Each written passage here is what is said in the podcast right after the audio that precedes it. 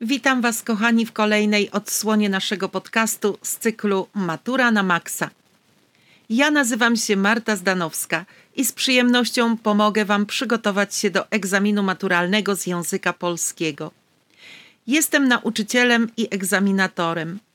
Jestem również częścią zespołu Wielkiej Powtórki Maturalnej – Możecie mnie słuchać w naszych podcastach co poniedziałek, również w czasie spotkań live organizowanych przez Wielką Powtórkę Maturalną. Moje notatki i pomoce znajdziecie na stronie www.wielkapowtórkamaturalna.pl. Zaglądajcie tam. Zapraszam Was również do dołączenia do mojego kursu maturalnego również na www.wielkapowtórkamaturalna.pl. A dziś lalka Bolesława Prusa – same konkrety na maturę. Lalka uznawana jest za jedno z najwybitniejszych dzieł polskiego realizmu. To matka wszystkich lektur. Jest jedną z największych objętościowo lektur, jakie spotykamy w czasie naszej edukacji i dostarcza materiału na nieprzebraną liczbę tematów egzaminacyjnych. Zatem jest jedną z najczęściej pojawiających się lektur na maturze. Porusza też zagadnienia, które wcale się nie zdezaktualizowały. O czym jest ta powieść? O tym już za chwilę, ale najpierw intro. To jest Matura na Maxa. Podcast z języka polskiego dla maturzystów. Prowadzi egzaminator Marta Zdanowska. Notatki z bieżącego odcinka znajdziesz na www.wielkapowtórkamaturalna.pl. Lalka jest powieścią panoramiczną, skutkiem czego występuje w niej cała gama postaci, liczni przedstawiciele wszystkich warstw społecznych obojga płci, różnego zawodu i wyznania. Głównym bohaterem lalki jest Stanisław Wokulski, człowiek mocno stąpający po ziemi, racjonalista, a z drugiej romantycznie zakochany idealista – Powieść Prusa koncentruje się więc na zderzeniu romantycznego i pozytywistycznego idealizmu z realizmem. Wśród głównych treści lalki można wymienić kilka najważniejszych wątków. Pierwszy z nich to krytyczny obraz społeczeństwa polskiego drugiej połowy XIX wieku. Bolesław Prus ukazał losy bohaterów na tle społecznego rozpadu stawia w powieści bardzo niekorzystną diagnozę społeczeństwa. Prezentuje galerię postaci ze wszystkich warstw społecznych. I tak, arystokracja to grupa społecznych próżniaków i pasożytów. Gardzą pracą i ludźmi pracy. Są zakłamani, fałszywi i egoistyczni. Mają poczucie wyższości wobec innych warstw społecznych. Ponadto prowadzą wystawny i rozrzutny tryb życia, Czas spędzają głównie na zabawach i poszukiwaniu rozrywki. Nie rozwijają się ani pod względem ekonomicznym, ani pod względem kulturalnym. To ludzie, którym brak patriotyzmu, są obojętni wobec losów narodu i przyczyniają się do ubożenia kraju. Szlachta to ludzie stanowiący kiedyś główną siłę polityczną społeczeństwa, którzy po uwłaszczeniu chłopów nie potrafią odnaleźć się w nowym ładzie ekonomicznym, a samodzielnie nie radzą sobie już z gospodarowaniem we własnych majątkach. Ubożeją, trwonią pieniądze, popadają w długi, próbując żyć jak kiedyś. Niektórzy z nich przenoszą się do miast, ale i tam nie potrafią przystosować się do nowych warunków życia mieszczaństwo. Tę grupę społeczną można podzielić na trzy grupy. Mieszczaństwo polskie ich cechuje przede wszystkim brak wiary we własne siły, brak inicjatywy czy energii do życia, a co za tym idzie, brak chęci do pracy. Jest to grupa skłócona, bierna, zacofana. Chętnie wzorują się na arystokracji, próbując kopiować styl życia wyższej warstwy społecznej i poza tym nie mają żadnych innych ambicji. Prowadzą próżniaczy tryb życia, nie są zdolni do wypracowania własnego etosu, kultury ani własnych wzorców postępowania.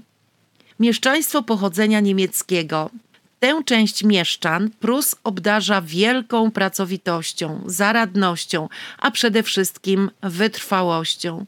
To ludzie, którzy potrafią oszczędzać, mają plan na życie i konsekwentnie go realizują i mieszczaństwo pochodzenia żydowskiego, dla nich najważniejsze jest zdobywanie pieniędzy i bogacenie się w każdy możliwy sposób.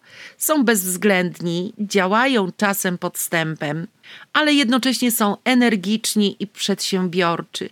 Przejmują bankrutujące gospodarstwa szlacheckie, kamienice i sklepy i lud miejski to ludzie, którzy żyją na ogół w wielkiej nędzy. Są wśród nich wyrobnicy i rzemieślnicy, którzy, choć skazani na głodową egzystencję, są pracowici, uczciwi, bardzo skromni i zawsze wdzięczni za każdą okazaną im pomoc. Prus bardzo pesymistycznie ocenia społeczeństwo polskie. Przedstawione w powieści grupy społeczne są hermetyczne, nie tworzą wspólnoty, trudno znaleźć im wspólne wartości, do których wszyscy mogliby się odnieść. Drugie ważne zagadnienie to idealizm. Prus rozważa w powieści idealizm, prezentując trzy pokolenia idealistów. Idealizm to pogląd, którego fundamentem jest sprzeczność z realizmem. Idealista to również marzyciel, który może stać się fanatykiem, jeśli idea, w którą wierzy, zawładnie nim i zdominuje realne postrzeganie świata. Najstarszy z nich, Ignacy Rzecki, to idealista polityczny, wierny ideałom młodości, zaciekły bonapartysta, uczestnik wiosny ludów, zwolennik tezy, że tylko u boku Napoleona Polska miała szansę wybić się na niepodległość. Naiwnie wierzył w to, że odrodzone cesarstwo francuskie wskrzesi ideę polskiej państwowości i nie dostrzegał lub nie chciał dostrzec realnego układu sił w Europie. Pokolenie Rzeckiego to pokolenie starych romantyków, czyli ludzi, którzy wyznają tradycyjne wartości, wierzą w stary porządek świata, są niechętnie nastawieni do zmian społecznych. To pokolenie, które żyje historią, patrzy jedynie wstecz, co Prus podkreśla, każąc swojemu bohaterowi pisać pamiętnik. Drugi idealista to idealista miłości, czyli Stanisław Wokulski, młodszy co najmniej o jedno pokolenie od Rzeckiego, rozsądny i twardo stąpający po ziemi przedsiębiorca, dojrzewał jednak i kształtował się charakterologicznie w rozkwicie romantyzmu. Stąd łatwość, z jaką pozwolił opanować się i pochłonąć gorącemu uczuciu do Izabeli Łęckiej – Stąd również wziął się brak umiejętności odróżnienia realnej panny Łęckiej od wyobrażenia o niej, od pięknego i szlachetnego obrazu wybranki, obrazu, który był jedynie wytworem jego wyobraźni. Pokolenie Wokulskiego to pokolenie przejściowe. Wokulski jest rozdarty i to nie tylko między romantyzmem a pozytywizmem, ale także między przeszłością a przyszłością ukształtowały go te same zasady, które wyznaje Rzecki. Wychowały go stare lektury, z których czerpie wzorce. Rozumie wagę tradycji, historii, wziął przecież udział w powstaniu styczniowym. Jednak rozumie także przyszłość, wie, że świat się zmienia i nie ma już możliwości powrotu do tego, co było. Nie podziela uprzedzeń do Żydów, stara się wcielać w życie pozytywistyczne ideały. Jest naukowcem, w postępie i nauce upatruje możliwości na lepsze jutro. Reprezentuje on pokolenie ludzi zagubionych, próbuje złapać się jakiejś idei, koniecznie wzniosłej. Wokulski poszukuje sensu, a znajduje pustkę i lęk. Jest to obraz człowieka, który całe życie walczy przede wszystkim z samym sobą i idealista nauki. Jest nim Julian Ochocki, najmłodszy z trzech postaci, owładnięty ideą empirycznego poznawania świata i możliwości nauki. Pozornie to sprzeczność, wiara w naukę oraz oderwanie od rzeczywistości ale owładnięty ideą pokonania możliwie największej ilości barier oraz zgłębienia najbardziej niedostępnych tajników wiedzy, młody arystokrata z lekceważeniem traktował rytuały codzienności. Pokolenie Ochockiego to pokolenie postępu. Ochocki jest młodym naukowcem, wierzy w ten postęp, wierzy w rozwój techniki, patrzy w przyszłość. Jego sposobem na zmieniający się świat jest przystosowanie się do jego tempa. Jednak on także nie ma gwarancji sukcesu. Żeby realizować swoje plany naukowe, musi wyjechać z terenów polskich. Przemiany świata i tego, jak ludzie go postrzegają, widać w wielu różnych dziedzinach życia. Przesłanie lalki wyraża brak wiary zarówno w ideały romantyczne, jak i pozytywistyczny sposób postrzegania świata. Kolejne ważne zagadnienie to hasła programowe pozytywistów polskich. Powieść dokonuje również rozrachunku z programem pozytywistycznym. Polskie społeczeństwo nie zna, nie rozumie i nie realizuje pozytywistycznych haseł. Program pozytywistów ponosi klęskę. Bogaci i wpływowi arystokraci nie interesują się przyszłością kraju. Działają tylko jednostki, ludzie ponadprzeciętni, ale i oni wobec piętrzących się trudności, problemów, wyzwań czasu okazują się mało skuteczni. Wokulski, widząc nędzę powiśla, myśli: Tu nie poradzi jednostka z inicjatywą. Zatem prześledźmy hasła pozytywistów polskich, ich sens, treść, realizację i brak realizacji. Praca organiczna. Sensem pracy organicznej była współpraca wszystkich warstw i grup społecznych dla dobra kraju. Jej celem miał być rozwój gospodarki, a więc handlu, przemysłu, rolnictwa, a także kultury i oświaty. Jeśli chodzi o realizację, Wokulski inicjuje współpracę ludzi z różnych środowisk, zakładając spółkę do handlu ze wschodem. Jest bardzo energicznym przedsiębiorcą. Prowadząc sklep, rozwija polski handel. Ochocki z kolei tworzy wynalazki, interesuje się rozwojem techniki, która służy ludziom.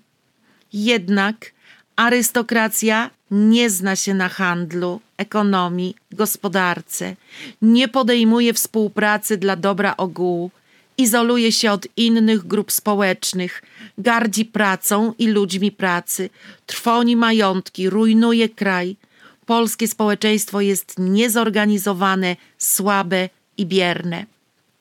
Praca u podstaw to praca na rzecz najniższych warstw społecznych, a więc chłopów, biedoty miejskiej i wiejskiej i robotników. Tu chodziło o ograniczenie analfabetyzmu, podniesienie poziomu oświaty i jej szerzenie, a także o podniesienie poziomu higieny wśród najuboższych.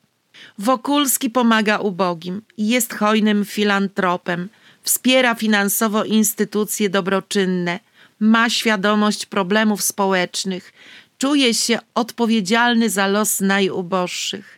Również prezesowa Zasławska opiekuje się chłopami w swym majątku w Zasławku, buduje dom dla starców, sierociniec, uczy wiejskie dzieci. Ale arystokracja nie podejmuje żadnych istotnych działań na rzecz najuboższych, pogardza niższymi warstwami, uprawia fałszywą filantropię, nie czuje się za nich odpowiedzialna. Kolejne hasło programowe emancypacja kobiet, czyli równouprawnienie kobiet i mężczyzn. Helena Stawska to emancypantka z przymusu. Pracuje zawodowo, by utrzymać rodzinę. Podejmie pracę w sklepie, co do tej pory było zajęciem męskim ale arystokratki i bogate mieszczki, na przykład Izabela Łęcka, nie są zainteresowane emancypacją, nie mają aspiracji emancypowania się w społeczeństwie, zadowalają się rolą żon, salonowych lalek. Celem ich życia jest dobre zamążpójście. Kobiety z niższych warstw społecznych nie mają więc możliwości rozwoju, kształcenia się, działania. W życiu publicznym dominują mężczyźni. I asymilacja Żydów, czyli integracja Polaków i Żydów, wzajemne poznawanie się, zbliżenie, współpraca. Owszem, Wokulski robi interesy i przyjaźni się z Żydami. Ale Polacy są wrogo nastawieni wobec Żydów, niechętni, obojętni, narasta antysemityzm. Arystokraci pogardzają Żydami, chociaż zapożyczają się u nich. Kolejny ważny wątek to wątek Rzeckiego. Jest on związany z pamiętnikiem starego subiekta. Rzecki zapisuje w nim swoje dzieje, ale też komentuje bieżące wydarzenia. Jednak w kontekście postaci Rzeckiego warto zwrócić uwagę na nawiązanie do toposu Teatrum Mundi. To refleksja nad egzystencją ludzką. Szczególnie wymowna jest metaforyczna scena, w której Rzecki obserwuje zabawki z witryny sklepu i rozważa sens ludzkiego życia. Być może, tak jak nakręcone marionetki, żyjemy pociągani za sznurki, nieświadomi przyczyn i kresu egzystencji. To właśnie dzięki tej zabawie stary subiekt odkrywa, że świat ludzki to świat marionetek. Pierwszy raz Rzecki bawi się lalkami na początku powieści, w rozdziale pierwszym. I w starym subiekcie obudziło się dziecko, wyjaśnia narrator. Rzecki kieruje do zabawek następujące słowa: Głupstwo, wszystko głupstwo, a wam, gdybyście myśleli, mogłoby się zdawać, że to coś wielkiego.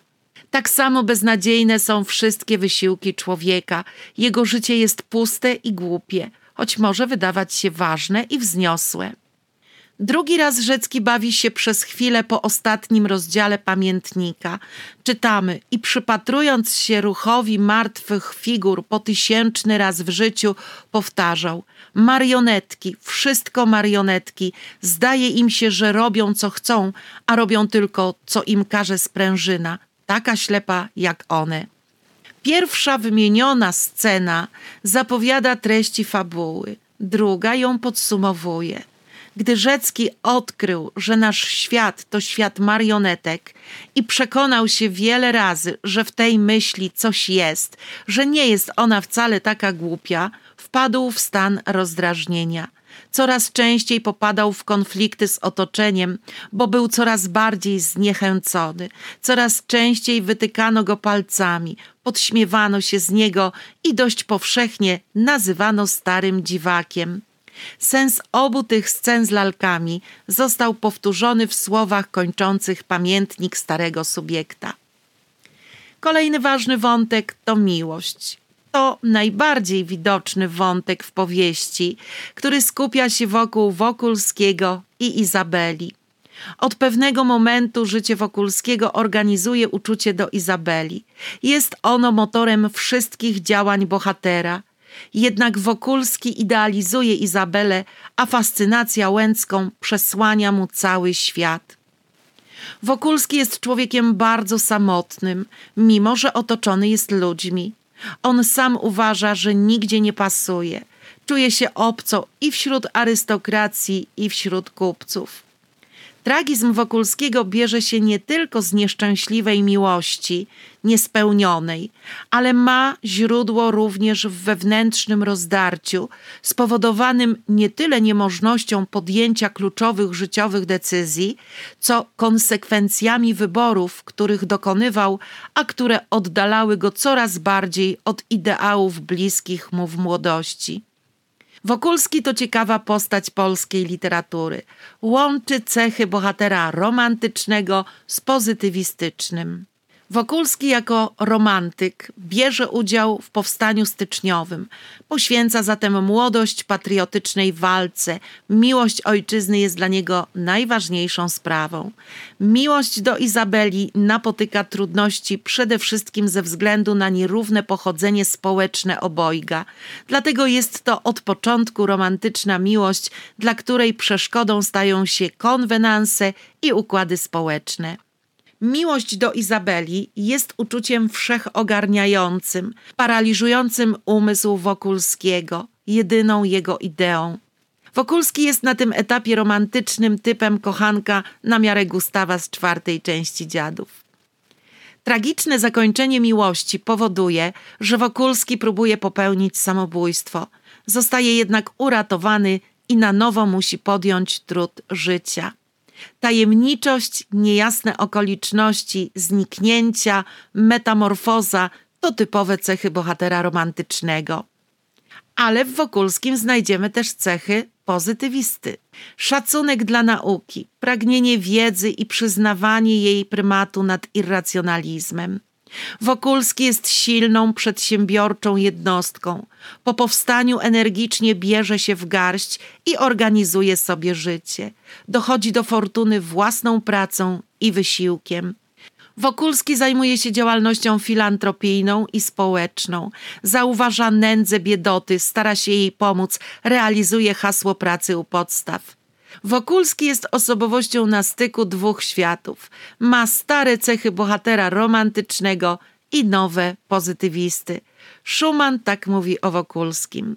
Stopiło się w nim dwu ludzi. Romantyk sprzed roku 60 i pozytywista z 70.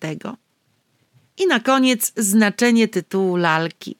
Początkowo krytycy dość jednoznacznie interpretowali tytuł powieści, uznając za tytułową lalkę pannę Izabelę Łęcką. Był to jednak fałszywy trop interpretacyjny, a ponieważ rozpowszechnił się bardzo, więc sam Prus postanowił wyjaśnić sytuację.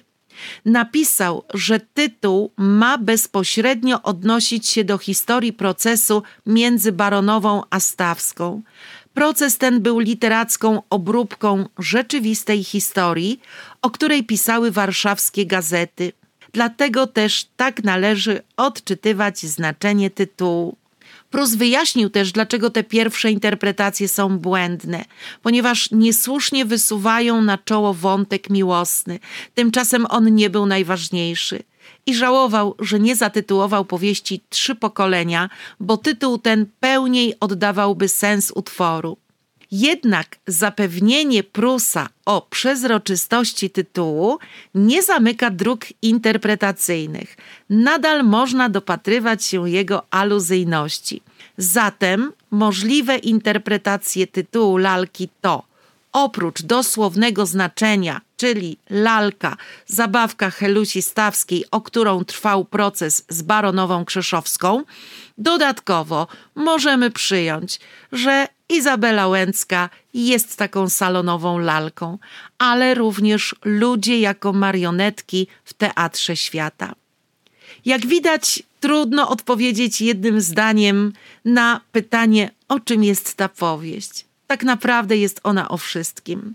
O miłości, tej niespełnionej, o odrzuceniu, o przyjaźni, o determinacji w dążeniu do celu, o poświęceniu dla ojczyzny, o ciężkiej pracy, o tym, jak społeczność, w której wzrastamy, wpływa na nasze życie a więc i tematów, z którymi możesz powiązać na maturze lalkę, jest całe mnóstwo idealizm, marzenia, miasto, miłość, szaleństwo, kapitalizm, metafizyka, codzienność, świat jako teatr, powieść realizmu krytycznego i wiele, wiele innych. Tyle dzisiaj. Obserwuj nas na Instagramie oraz na TikToku. Dołącz do mojego kursu maturalnego na www.wielkapowtórkamaturalna.pl. Zostaw swój adres mailowy również na stronie www.wielkapowtórkamaturalna.pl. Notatki z każdego odcinka podcastu wysyłamy na bieżąco w każdy poniedziałek.